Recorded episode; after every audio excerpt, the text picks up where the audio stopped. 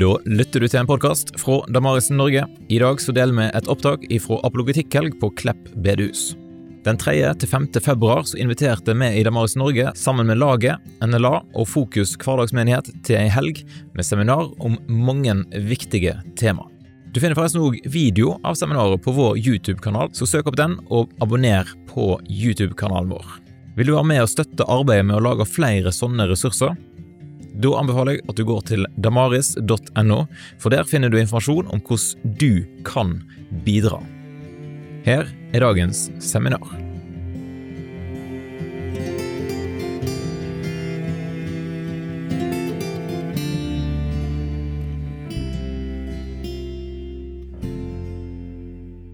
Det er veldig kjekt å ønske velkommen til en grill en kristen for, eh, for voksne. da. Eh, vanligvis har jeg jo langt yngre publikum eh, framfor oss når vi begynner med, med grill en kristen. Og, og, det er jo litt sånn, for det er jo et opplegg som laget tilbyr i religion- og etikkfaget på, på videregående skole.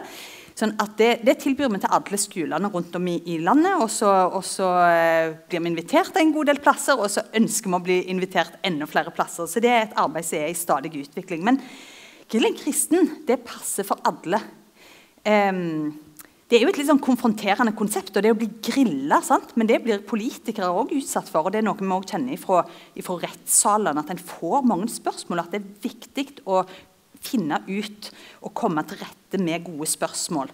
Så, så ok, dialog er veldig inn i tida, men det å grille er kanskje også en god ting for å få, for å få sannheten fram, og for å få Eh, for å få eh, løfte opp viktige spørsmål. Og Det er noe vi ser i Bibelen. Altså jeg vil absolutt si at Det er et veldig godt bibelsk belegg for å drive med dette. her. For det er gode spørsmål det er der plass til hos Jesus. Mange kom til han både av typen sånn som sadukerende, som kom bare for å kverulere. ikke sant? Det er sånne sju brødrene som gifta seg, og hva skjedde til slutt da i himmelen hvis alle hadde vært gift med samme kone på jord? Altså sånn Veldig veldig hypotetiske spørsmål. Um, og mange andre mye mer ektefølte spørsmål. Hele registeret finner vi i Bibelen.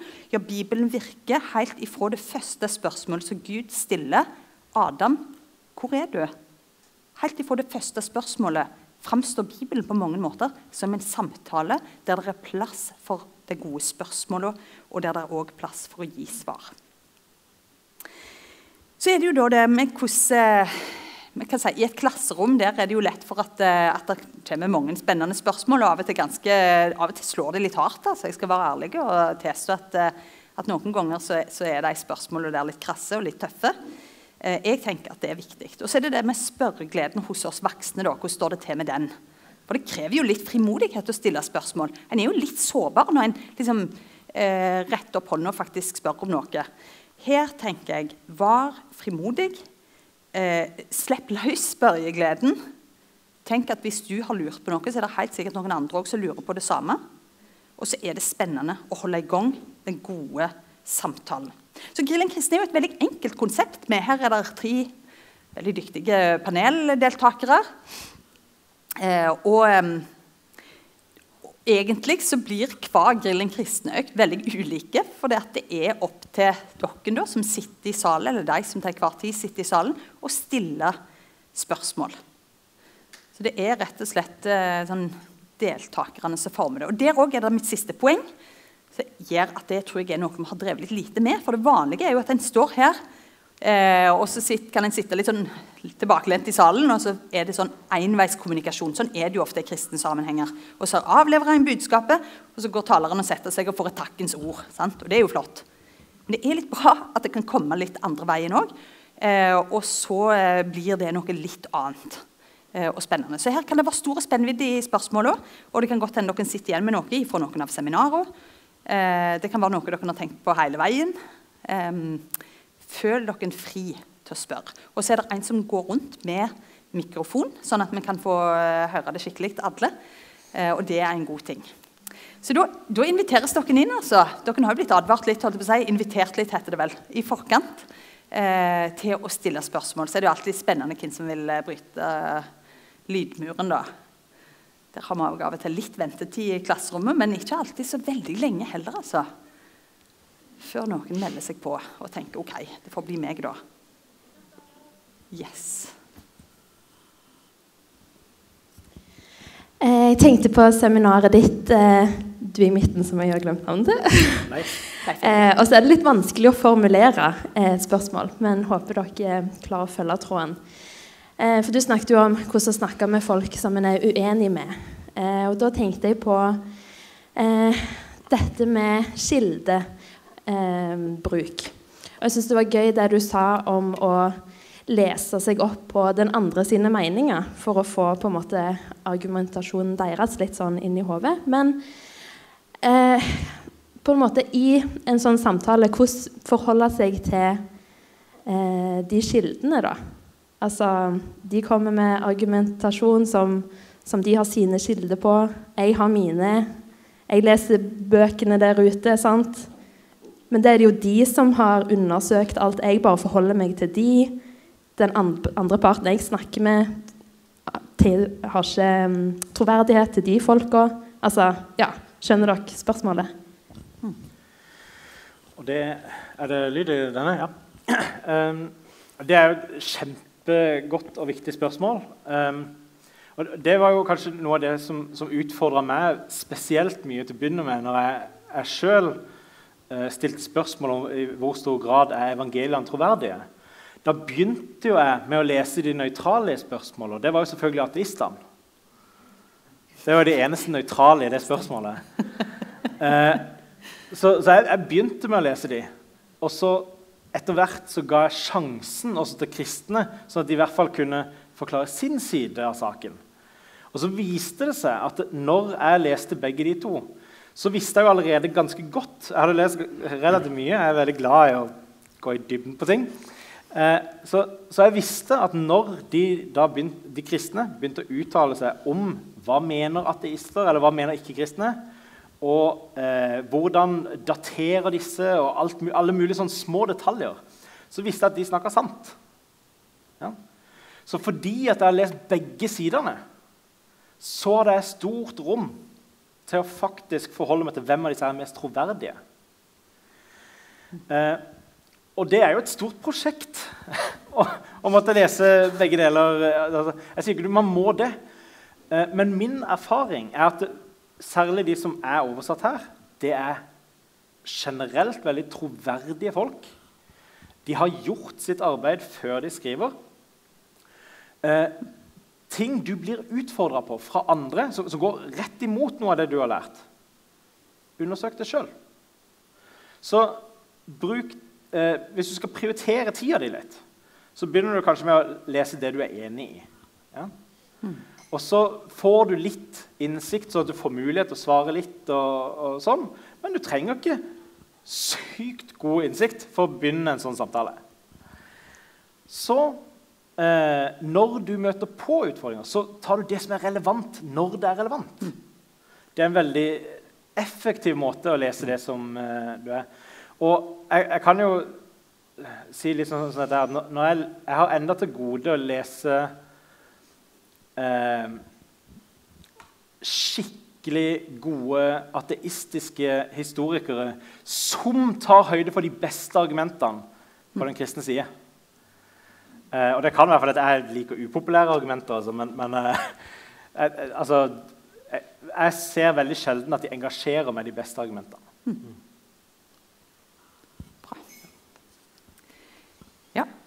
Leif Egil, da eh, kan det være noen andre som har eh, og du, Dere må også bare tenke at er det ting da i svaret Dette er veldig typisk for Grillen kristne òg. Så kommer det et svar, og så følger en på det. Men det er òg eh, helt lov å skifte fullstendig tematikk. Det er litt av greia med Grillen kristen. Vær så god. Jeg skifter tematikk. Jeg har spørsmål rundt uh, Eller Som kristne så er vi jo ofte satt litt i bås blant ikke-kristne. da at uh, Eh, spesielt i Vesten, med litt latterliggjort. Og det er av og til litt flaut kan være kanskje òg, at vi vil jo ikke innrømme det engang når vi snakker om litt sånn uh, vanskelige ting og uh, the problem of evil og Så, videre. så jeg vil bare høre hva dere tenker om Hvis du treffer en kar som Stephen Fry, som er han kjente britiske um, fyren, han hadde jo et intervju Eh, der han ble spurt eh, når du, hvis du treffer Gud eh, Hva ville dere sikkert sett dette der oppe? Men jeg må lese det på engelsk. da. Hva ville dere svart han hvis han sier Jeg hadde sagt, sier han, til Gud, How dare you? How dare you create a world to which there is such misery that is not our fault? It's not right. It's utterly, utterly evil. Why should I respect a capricious, mean minded, stupid God who creates a world that is so full of injustice and pain? That's what I would say. Hva sier dere til en uh, sånn kjernekar?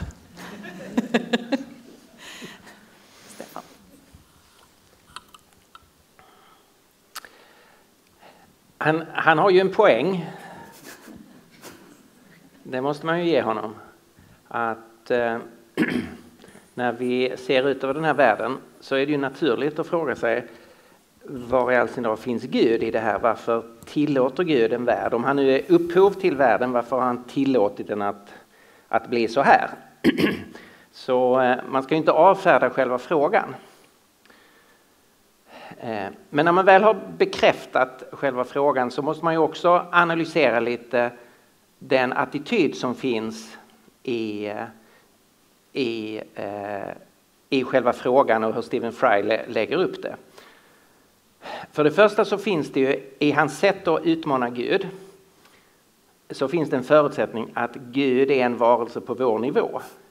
Vi skulle kunna utmana en statsminister eller en president och säga liksom, hur kan du leda landet på det här sättet? Vi skulle kunna kasta sådana anklagelser mot Putin och, och med, med rätta så att säga. Men man måste ta in i bilden här att när vi talar om Gud, universums skapare och den som upprätthåller hela Stephen Frys existens och gör att han kan andas och tänka och tala så får vi en, en lite annan bild. Man behöver förhålla sig till Gud på ett något annat, sätt. Man kan fortfarande ställa kritiska frågor till Gud, det finns rakt genom Bibeln. Men man måste erkänna att han är Gud som har skapat hela universum. Han har vissa företräden eh, och han har viss kunskap som vi inte har. Det är det första jag skulle säga. Det andra är jag skulle säga det, det som finns som en förutsättning det är inte bara att han har sänkt ner Gud till en varelse som är på vår nivå och där vi kan säga du är sämre än jag, för det är ju det han säger till Gud. Du är en sämre varelse än jag. Det kan man faktiskt inte säga till Gud. Men ja. Eh, det, det andra är att han gör en direkt linje mellan titta på allt det här onda, det är ditt fel. Men det är ju inte den enda möjligheten att Gud är den direkt verkande orsaken bakom varje skeende. Enligt Bibeln så är Gud fortfarande allsmäktig men det är så att han har skapat varelser som har egen agens. Alltså som agerar och har ansvar. Så det är inte Gud som dödar och torterar och våldtar. Alltså de här sakerna sker ju i världen men det är inte Gud som utför dem. Och därför måste man ju lägga anklagelsen på rätt nivå. Så han har ju en alldeles för simplistisk bild av relationen mellan Gud och skapelsen. Medan Bibeln har en mycket mer sofistikerad och komplex bild av vad det är som försiggår i vår historia. Och det tredje eh, som jag skulle vilja säga då det är att Stephen Fry tar inte in eh, hur allting kommer att sluta. Utan han tittar på det som är nu Medan eh, kristen tro säger yes, nu är det ett elände och här finns mycket som är mysteriöst. Varför Gud låter de skapande varelserna göra på det här sättet. Men det kommer en dag då Gud ska visa att han är både god och allsmäktig. Så det finns väldigt många saker att lägga till den bild som Stephen Fry manar fram i det här. Han är en väldigt skicklig retoriker och eh, stor humorist. Eh, så han är väldigt skicklig på att frammana en viss bild som emotionellt gör att Gud framstår som ett vidrigt väsen som ingen vill ha med att göra. Men den bilden överensstämmer inte med den bild som, eh, som Bibeln tecknar. Eh, er, eh, ofte når man får sånne spørsmål, så har man ikke en halv time til å svare. Og akkurat dette spørsmålet er det som veldig mange sier Jeg skulle gjerne hatt tre dager, for du må forstå fra A til Å. Eh, og det er veldig vanskelig. Eh, men, og det finnes jo mange som, som, bruker dette som et springbrett for eh, Ikke for å skape seg sjøl, men eh, det, det, er veldig lett, for mange kjenner seg igjen i det. Vi har, har eh, han som eh, ikke tror på Gud, som skaper barn som får svulst på hjernen, f.eks.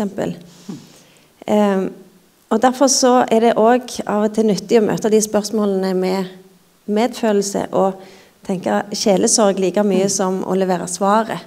Eh, for det ligger veldig ofte smerte bak sånne spørsmål. Eh, enten ved å leve sammen med andre eller, eller i eget liv. At, det, at, man har kjent på Gud. Hvor er du henne? Mm. Dette syns jeg er vanskelig. Å, å, stå midt i dette, og så skal jeg eh, ta eh, finne en eller annen tro på en Gud som jeg kan feste tillit til, mm. og så gir det ikke mening. Ja. Så medfølelse er, er, minst like viktig fordi man ikke lag, klarer å gi de lange argumentene alltid. Mm. Det er ikke plass i hjertet til det. Nettopp. Er et viktig perspektiv der. Mm. Ja, her er det flere Vi tar på fremste rad her. Jeg gjemmer meg eh, bak eh, seksåringen som spurte meg eh, en kveld her eh, Hvorfor er Gud så stille? Vi ber til han, eh, men han, det er ikke alltid han svarer. Han snakker ikke til meg. Og, og eh, en voksen person som sliter med samme spørsmålet. Hva sier du til den, og hvor leder du de videre? Eventuelt eh, se eller lese eller høre. Ja. Hvorfor er Gud så stille? Det tror jeg er et spørsmål som stiger mm. opp eh, for mange flere enn den nevnte seksåringen. Mm. Hva skal vi si til det? Hvordan begynner vi å åpne opp det? Så Det er jo mange, eh, mange perspektiver å ha med i et sånt eh, spørsmål. Eh, noen er veldig glad i å møte det med litt sånn her at eh, hvis det hadde vært helt fullstendig åpenbart at Gud eksisterte og Jesus var sannheten, så hadde vi ikke hatt et valg. Ja?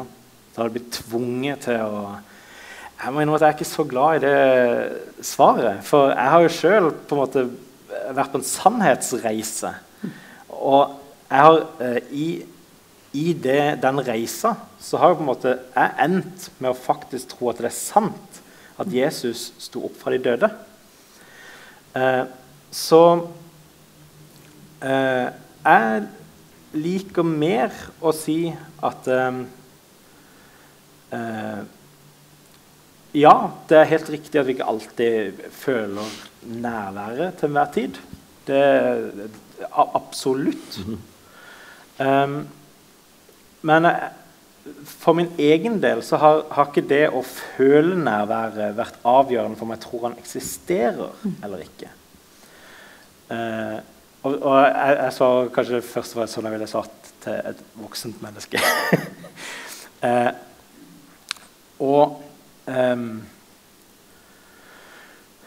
Men, men jeg, jeg, tror at hvis du leter, så er det veldig mange gode grunner til å faktisk tro at Gud eksisterer, til å faktisk tro at Gud tredde inn i vår historie. Og jeg, jeg tror hele den store kristne historien er velbegrunna for hvordan virkeligheten faktisk er og oppleves. Um, og det sånn, Hadde jeg hatt én uke, så hadde jeg håpt at det var det man, man satt igjen med. At liksom, helheten forklares av det mm. kristne livssyn. Eh, men eh, å komme fram til der, så, så er det eh, stykkevis og delt. Det, men jeg, jeg, tror hvis man leter, så, så, tror jeg man i stor grad finner. Jeg vet ikke om dere har sett filmen eh, Bruce the Almighty heter han det på norsk? Bruce den allsmäktige. Mm. En fantastisk underholdende film. Um, och den visar ju vad, vad, vad, skulle hända om Gud svarade direkt på alla böner som alla människor bad. Och den visar ju att det, det skulle skapa kaos och göra mänskligt liv helt meningslöst. Mm. Det, eh, det fungerar inte att vara Gud på det sättet. Och här behöver ju vi som kristna också tänka igenom vad är bönens funktion. Alltså vi har ju i Bibeln väldigt klara inbjudningar.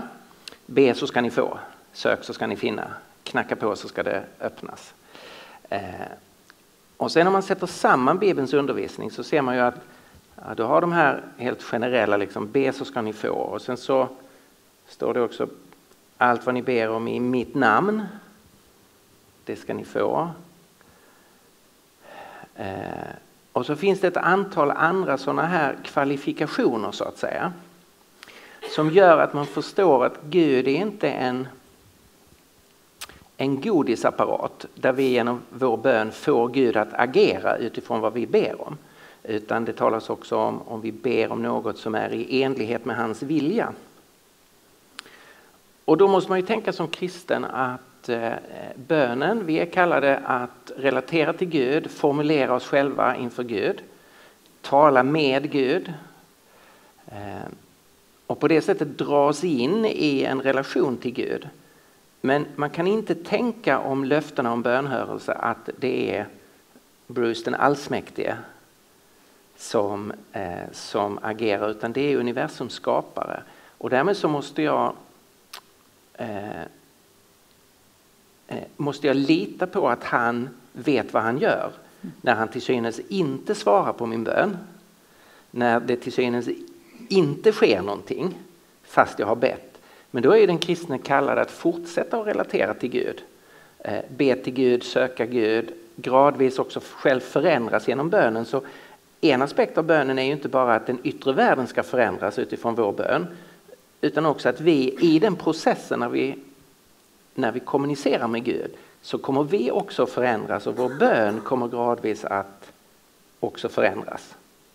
Så vi behöver ju tänka ganska mycket kring vad bön är för någonting och vad som är Bibelns sammanlagda undervisning om, eh, om bön. Og så går det an å spørre sexåringen hvordan tenker du at Gud mhm. snakker. Er det kun med den buldrende stemmen i hjertet eller i hodet? Og den som har opplevd det, vil jo gjerne lengte etter mer av det. Men Gud taler på veldig mange måter uten at han er nødvendigvis stille fordi vi ikke hører stemmen. Og seksåringer kan ha mange refleksjoner, men jeg tror òg vi kan hjelpe dem å åpne verden med at Gud snakker gjennom eh, naturen, menneskene, eh, ting vi opplever som tilfeldigheter. Ja, reflektere litt rundt det. Hvordan, hva, eh, hvordan kan, kan, Guds stemme høres ut? Mm. Takk. Noen perspektiv på bønn. Takk for spørsmålet, som vi sikkert kunne snakket eh, lenge om. Men eh, vi skal se om det kanskje er andre òg som eh, har et eh, spørsmål som en ønsker å få kaste litt lys innover. Ja. Eh, hvorfor kan ikke jorda være som himmelen? Hvorfor skapte ikke bare Gud oss rett i himmelen med en gang? Er det, ja. uh, det er jo et veldig godt spørsmål. Så uh, Det er et uh, sånn type spørsmål som uh, liker veldig godt å svare sånn som dette her. Jeg vet ikke. Nei. Jeg, jeg, tror vi kan ha noen tanker rundt det, men, men det er et av de svarene der hvor jeg ender med til syvende altså Hvis jeg skal sette to streker under svaret, så sier jeg her har jeg tillit til at uh, Gud har valgt dette av en god grunn. Ja. Så jeg har mange andre gode grunner til å ha god tillit til Gud. Så Derfor så velger jeg til syvende og sist å, å legge tilliten der. Så tror jeg at uh, det går an å si noen flere ting. Uh, det går an å si f.eks. at um, den verden vi lever i nå, det er en verden der hvor eh, vi har muligheten til å oppleve både det onde og det gode. Eh, vi har muligheten til å gjøre ekte valg. Jeg tror vi har noe som heter fri vilje. Vi har muligheten til å gjøre ekte valg. Eh, når vi eh, Altså hvis Gud er kjærlighet, noe jeg tror stemmer absolutt, så tror jeg ut av sin treenige kjærlighet før han skapte hele verden, så skapte han verden i kjærlighet. Og for at vi skal kunne ha kjærlighet med Gud, så tror jeg vi trenger evnen til å velge. Jeg vil bruke et bilde for å vise det, hvorfor jeg tenker det. Så um, Se for deg at uh, du er hjemme og spiser middag. Uh, du har veldig godt forhold med foreldrene dine. Uh, og de spør hvordan går det med kjæresten din. Jo, det går kjempebra. Det, akkurat i dag er faktisk en skikkelig stor dag. Nå er det tre måneder siden vi har blitt sammen. Og, eh, I dag så fortalte kjæresten min meg at eh, elsker meg.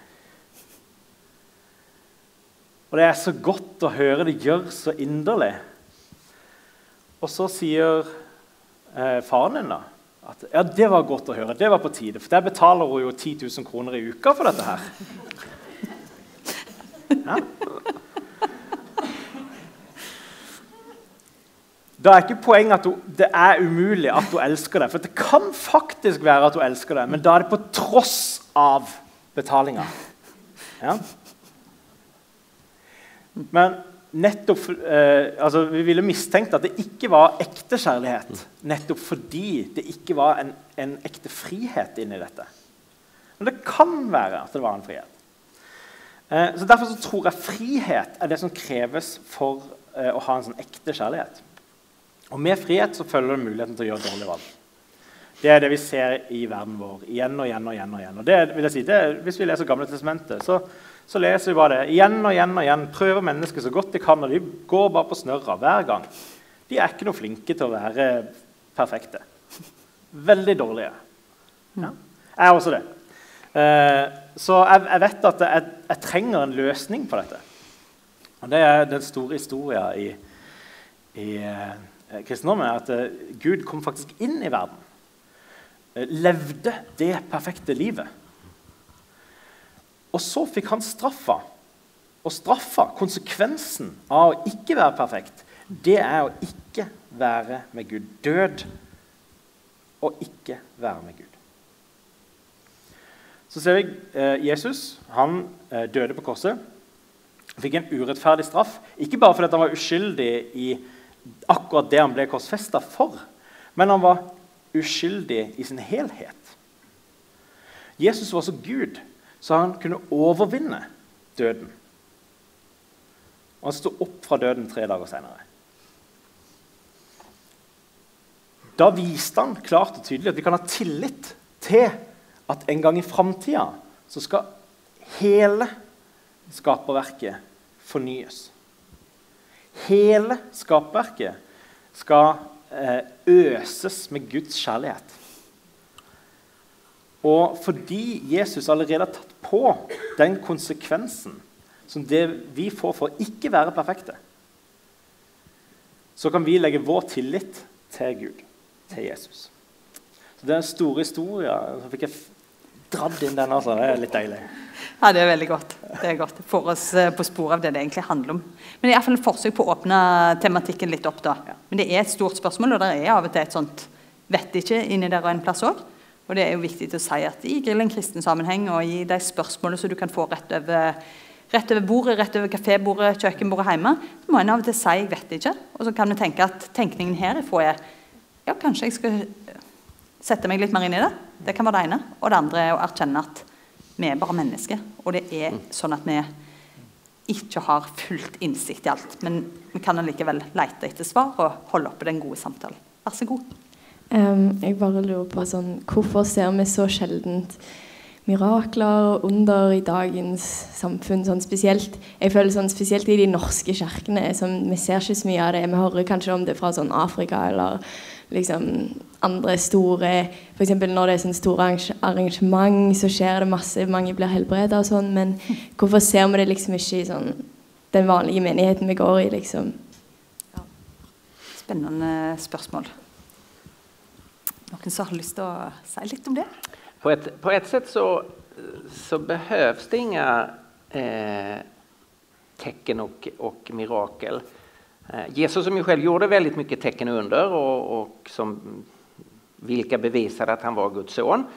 Eh, han kan samtidigt säga till de som kommer bara för att få se under och tecken att eh, då, då blir han väldigt irriterad och, och, säger ni kommer inte få se något annat tecken än profeten Jona tecken. Precis som Jona var i valen, valens byk tre dagar och tre nätter så ska Människosonen Eh, dö och efter tre dagar eh, uppstå. Och så görs ju Jesu död och uppståndelse till det förblivande tecknet. Så man måste, man måste säga att Gud har gett oss redan tillräckligt med tecken och uppståndelsen är liksom det definitiva tecknet. Det behövs inga fler tecken. Paulus kan säga i Apostlagärningarna 17 att, eh, att uppståndelsen visar för alla människor att det är Jesus som är utsedd att vara domare. Eh, och det, kan vara ganska viktigt att, hålla fast vid, alltså att Gud har gett oss redan tillräckligt för att vi ska ha anledning att, att tro på honom. Men sen är det också så att Gud i sin nåd eh, griper in också på ett övernaturligt sätt. Det verkar om man tittar på det globalt som att det sker allra främst vid eh, liksom frontlinjen för evangeliet. När evangeliet kommer in i nya områden där evangeliet aldrig har predikats och där på något sätt det, mörkret ligger djupare, så att säga, det andliga mörkret, så bekräftar Gud sitt, sitt ord med, eh, med tecken under. Men det är en ganska vanlig situation att när evangeliet kommer in så sker det tecken under, människor kommer, kommer till tro, man startar församling och sen glider det över i en mer normal fas av församlingsarbete, förkunnelse, evangelisation där undren och tecknen spelar en något mindre roll efter det att eh, liksom evangeliet är, eh, är etablerat. Eh, så jag tror det är ett generellt mönster. Sen kan man väl lägga till ytterligare en sak. Det är ju klart att det spelar roll om vi, eh, om vi ber, om vi har förväntan, om vi räknar med Gud. Det är förstås ytterligare en, eh, en faktor. Om man aldrig ber och aldrig förväntar sig någonting så är det ju inte förvånande om det heller aldrig sker någonting. Så er det jo igjen et spørsmål hva er et under og et mirakel? Er det at vi blir opprettholdt hver dag et mirakel i seg sjøl? Um, er det mange ting som vi gjerne ber veldig lenge for, og som skjer veldig gradvis? Og så plutselig så snur vi oss, og så ser vi oi, her har det jo skjedd noe som faktisk må ha eh, vært styrt av noe større enn oss sjøl, og som ikke bare skjedde sånn. Så, så man kan eh, gjerne tenke at man har et bilde av hva et under eller et mirakel er, og så er det kan man åpne det. At det er, det er, mye mer som skjer rundt oss hver eneste dag, og som, tilsk som kan tilskrives at Gud virker i verden. Både gjennom sine, sin logiske oppbygning og gjennom at han griper inn. Eh, men det er ikke alltid det er så stort eller så synlig eller knytta til en happening i et hus. Ja. Bra. Da har vi et spørsmål til. Vær så god. Mm Um, handler litt om uh, I det sirkulære uh, samfunnet vårt så er det veldig mange som shopper i de ulike religionene, altså litt sånn New Age. Eh, ehm, de ehm, de tar frem at det blir sagt av mange altså Det er mange sånne gode sånne uttalelser og setninger som går på det mellommenneskelige eh, planet. Um, og så syns vi kanskje at de som driver og shopper, tenker vi at de er litt sånn naive. De, eh, de er litt på det der De blir fanga av det følelsesmessige som går på det mellommenneskelige. Og så kan vi jo ikke si det til dem når vi er i kontakt med dem. Men hvordan forholder vi oss til, til Eh, til folk som vi møter i samfunnet, så er sånn shoppere på ulike religioner. Ja, så Det er veldig mange måter å forholde seg til uh, en sånn generell gruppe med mennesker. Uh, men uh, jeg har i hvert fall hatt noenlunde suksess med å prøve å eh, gruppere litt. For, noen påstander er sånn at eh, de kan ikke være sann begge to. Og hvis den du snakker med, sier at uh, nei, det, det, er ikke sant, så har han allerede der begynt å bruke det prinsippet. Ja? Hvis, det, hvis jeg sier ja, nei, det er enten det eller det, og han sier nei, det er ikke sant. Det kan være både og. Så sier jeg, ok, så du sier det enten, enten eller eller både og. Ok. Så, uh, men, men uh, i, i, hvert fall. Eh, så noen sannhetsting. en eh, sortering jeg liker, er f.eks. Eh, når vi ser på spørsmål om Gud. Eh, her fins det noen generelle tanker. Eksisterer Gud? Ja, nei. er Gud eh, skaper av verden? Eller er Gud verden? Det, det vil være veldig vanlige spørsmål å stille i f.eks. For forhold til New Age-type tankegang. Eh, og, og, når man finner ut den typen ting, så får man noen veier å gå videre. Ok, Hvis de mener at Gud er verden, Ok, men, men, men da er det litt begrensa hva de kan hente fra kristendommen. Hvis de ønsker å være konsekvente. Og det kan være de sier sånn Jeg ønsker ikke å være konsekvent. Ok, Men da er det ikke så veldig lett å argumentere heller. Verken for eller mot. Eh, så, så, så, lenge Og de, de, fleste sier jo, jeg ønsker å være konsekvent, men jeg tror det er mer komplisert enn som så. For det, men, men um, ofte å på en måte grave litt fram Eh, og gjerne begynne med litt sånn grunnleggende ting. Uh, så, så, kan du sette det opp. Uh, OK, jeg hører du sier 'alt er Gud, og Gud er alt'. ok, Hvordan passer det med F.eks. jeg er veldig glad i argumentet fra begynnelsen på universet. Det passer ikke med en sånn Gud. Da er det en Gud som har skapt hele verden. Ok, Det er jeg veldig glad i å snakke om. Så da går jeg dit. Andre er glad i å snakke om andre ting. De kan gå andre plasser. Ja, så, så, ja, det er i hvert fall litt. Ta tak i på en måte det, det grunnleggende. altså Begynne med noen sånn grunnleggende premiss liksom, og se litt hvor, hvor samtalen går videre. Konfrontere litt mildt. For jeg føler kanskje i det spørsmålet så ligger det der ja, men, du, skal, du, du, ønsker å ha en samtale sant, og ikke kjøre folk til veggs. Så det du sier, åpner litt opp. Forstår vi det rett? Ja. Det vil være et mål å forstå hva Særlig hvis de på noen som helst måte kobler seg mot New Age-begrepet. Mm. Så er det så utrolig vidt og forskjellig at der vil du i hvert fall vite hva i alle dager de faktisk tror. Mm. Uh, og det er ikke sikkert de har peiling på det heller. Mm. Vi, vi, som kristna vi blir veldig glade om det er noen som spør oss uh, om vår tro og, og stiller følgespørsmål. Hva, hva, tror du på, og hvordan tenker du om det, og hvorfor tror du så, og hvordan henger det sammen? Det händer inte så ofta, men om det händer då blir vi ju fantastiskt glada att få tala om vår tro, eller hur? Det ska man ju lära sig någonting av. Därför att vi människor är likadana. Så när vi träffar människor som vi förstår är intresserade av new age eller är sökare på det området så ska vi ju inte direkt börja prata om vår tro eller utmana deras tro utan man ska ju vara lite nyfiken och försöka ställa frågor kring vad det är de tror på, vad det är som gör att de tycker det är attraktivt, vad det är som är viktigt i den erfarenheten de har. Och människor är väldigt glada att få tala om sig själv. Det är ju sådana vi är som människor. Och det ska man ju så att säga lära sig att använda när det gäller att relatera till människor. Och sen efterhand kan man ju börja ställa andra sorters frågor också eller jämföra vad den personen berättar med eh, eh, hur vi, hur vi ser på det. Men man ska inte vara för snabb liksom att att attackera mm. den andra personen utan vara mer nyfiken på vad det är de berättar om, vad de har varit, eh, varit med om. Det är grundtips för dialog. Veldig bra. Fint. Spørsmål bakerst der?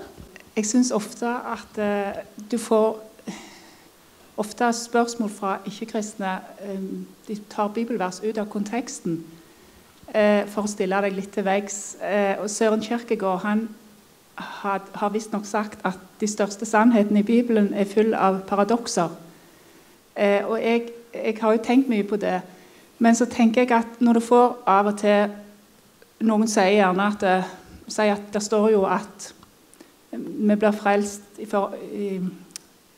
ut ifra Luthers reformasjon at vi blir frelst av tro alene uten gjerninger. Men, men så står det også i Jakobsbrevet at ei tro uten eh, gjerninger er ei død tro.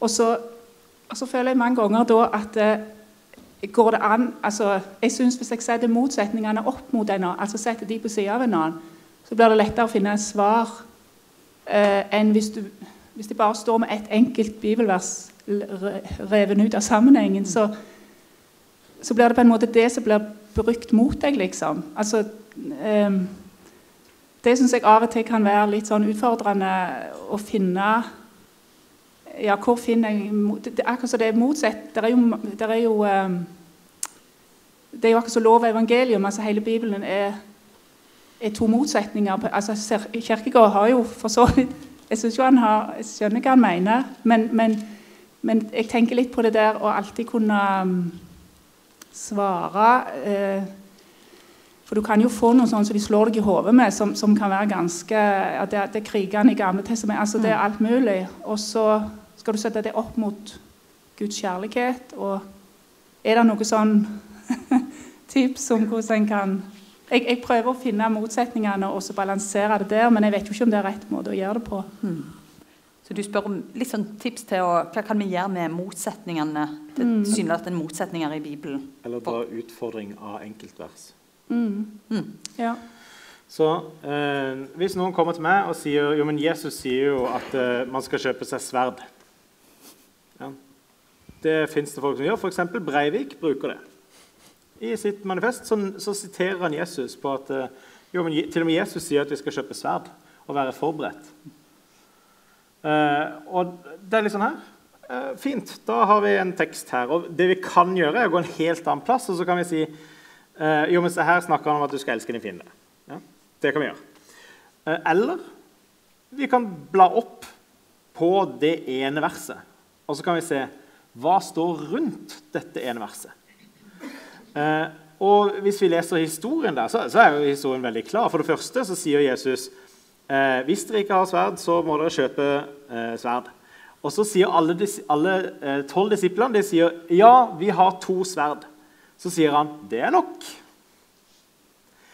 Det er jo et godt stykke derfra til dere må bevæpne dere. Når vi da også får med oss, som, som, vi gjør hvis vi for leser dette på gresk, så ser vi at det, det ordet for sverd her det er eh, macheira, som da er machete. Det er et bruksverktøy. Det går an å bruke det eh, som et våpen, men, men machete hadde gitt mer mening å, å eh, oversette det med. Eh, så ser vi også, ganske rett etterpå dette, hvis vi bare fortsetter å lese litt så ser vi at Peter han bruker dette sverdet i forsvar for Jesus. Og da sier Jesus slutt. Han sier at den som lever ved sverdet, dør ved sverdet. Ja. Her har vi en ganske tydelig kontekst, selv om det var mulig å hente ut et ord. Det er ikke alltid det er like enkelt. Altså, jeg valgte jo det med en hensikt. eh, men, men, ofte så hjelper det å trekke ting eh, inn i sin kontekst. Eh, det hender at jeg finner på å si noe så kontroversielt som at en av de eh, dummeste tingene som har skjedd med Bibelen, er at vi fikk en hel vers i den. Det var mye bedre når vi bare leste det som en tekst, for da var det litt vanskelig å dra ting ut av sammenhengen. Så, Eh, ja. Så det er sikkert noe fornuftig. Ja. Men problemet er jo at det, ofte så har du lyst til å si eh, Kan jeg få bare google litt? Eh, og det har du ikke tid til når du står der. Eh, og, og, så føler man seg litt avkledd og litt sånn Å, det, kan du mer enn meg her, eller? Eh, for det første så, så fins det enormt det, Disse tingene har mange tenkt på i mange år. Eh, det er ikke, disse spørsmålene har vært stilt siden Jesus reiste herifra. Eh, det fins en del ressurser, eh, og jeg prøver å lære meg én innimellom. sånn at hvis den kommer, så kjenner jeg den igjen og kan svare. Kommer de med Elisha bjørnene, så tror jeg etter en erfaring vi hadde tidligere, at jeg skal klare å svare ganske godt på det med Elisha bjørnene. Hvis, hvordan kan Gud eh, la Guds mann drepe masse barn med en bjørn? Så er det en ganske god forklaring. Men ta én om gangen og ikke spis over hele Bibelen.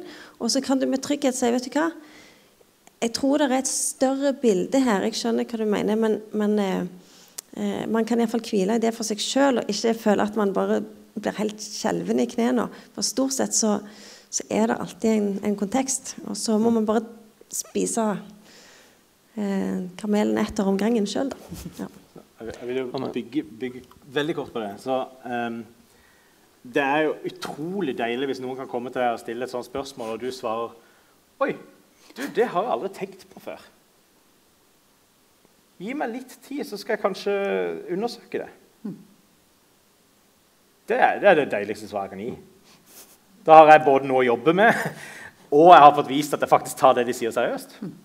Kjempebra. Så å google det, det, det er fint, men ta deg gjerne tid til det.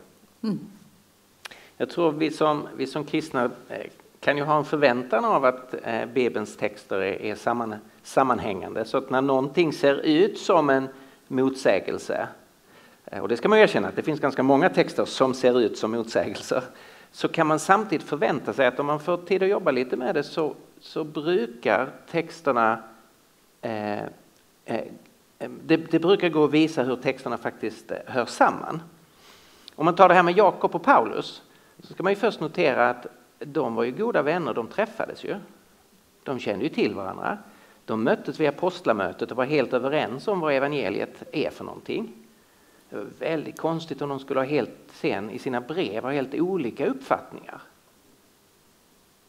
Så de var ju överens, varför skulle de sen skriva så det blev helt olika? Så för mig blir det frågetecken, varför eh, kan de vara det? Och sen så läser man Jakobs brev och då har han ju börjat med att säga att vi har blivit födda på nytt genom sanningens ord.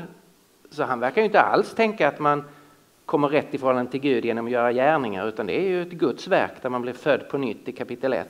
Och sen när han talar om, om tron i kapitel 2, det som ser ut som en motsägelse mot Paulus, så definierar han vad det är för sorts tro han avser. Nämligen sån tro som djävulen har. De onda andarna som ju tror att Gud existerar. De har den tron, de vet att Gud finns. Men de vill ju absolut inte ha med Gud att göra, utan står ju emot Gud, men de tror att han finns. Det är ju den sortens tro som Jakob diskuterar i kapitel 2.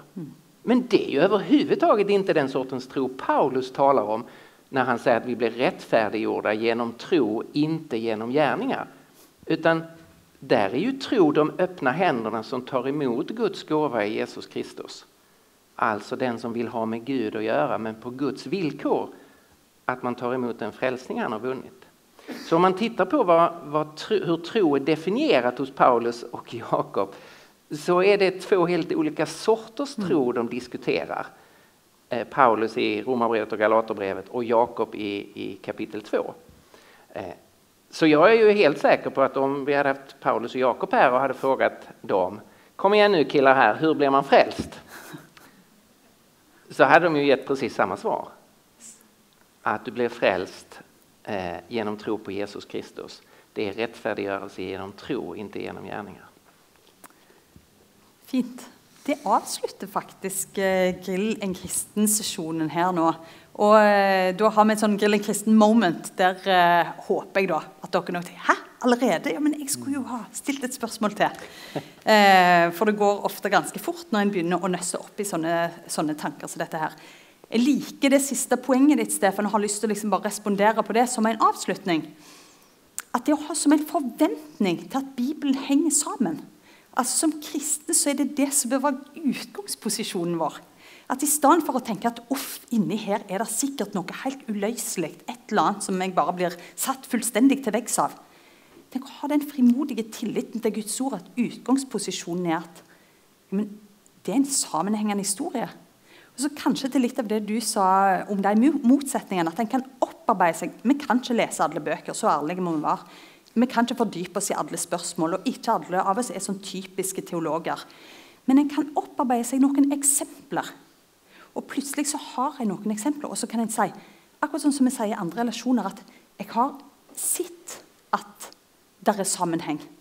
Flere ganger har jeg hørt at det er sammenheng. Jeg stoler på andre òg som har vist meg sammenhenger, og at dette henger i hop. Og så kan jeg ha tillit til eh, at det er faktisk sånn det forholder seg. Der er gode grunner for å tro. Og Det håper jeg har vært den røde tråden denne dagen. her.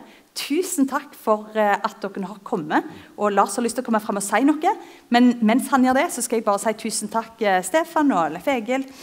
Ann Solfri for at dere var panel her, og tusen takk til alle dere som stilte spørsmål og var lydhørt publikum. Vi har eh, kommet til veis ende med dagen i dag. og jeg syns det har vært kjempespennende å få være med på det. Mm. Eh, og Lars, du har lyst til å si noe òg, så vær så god.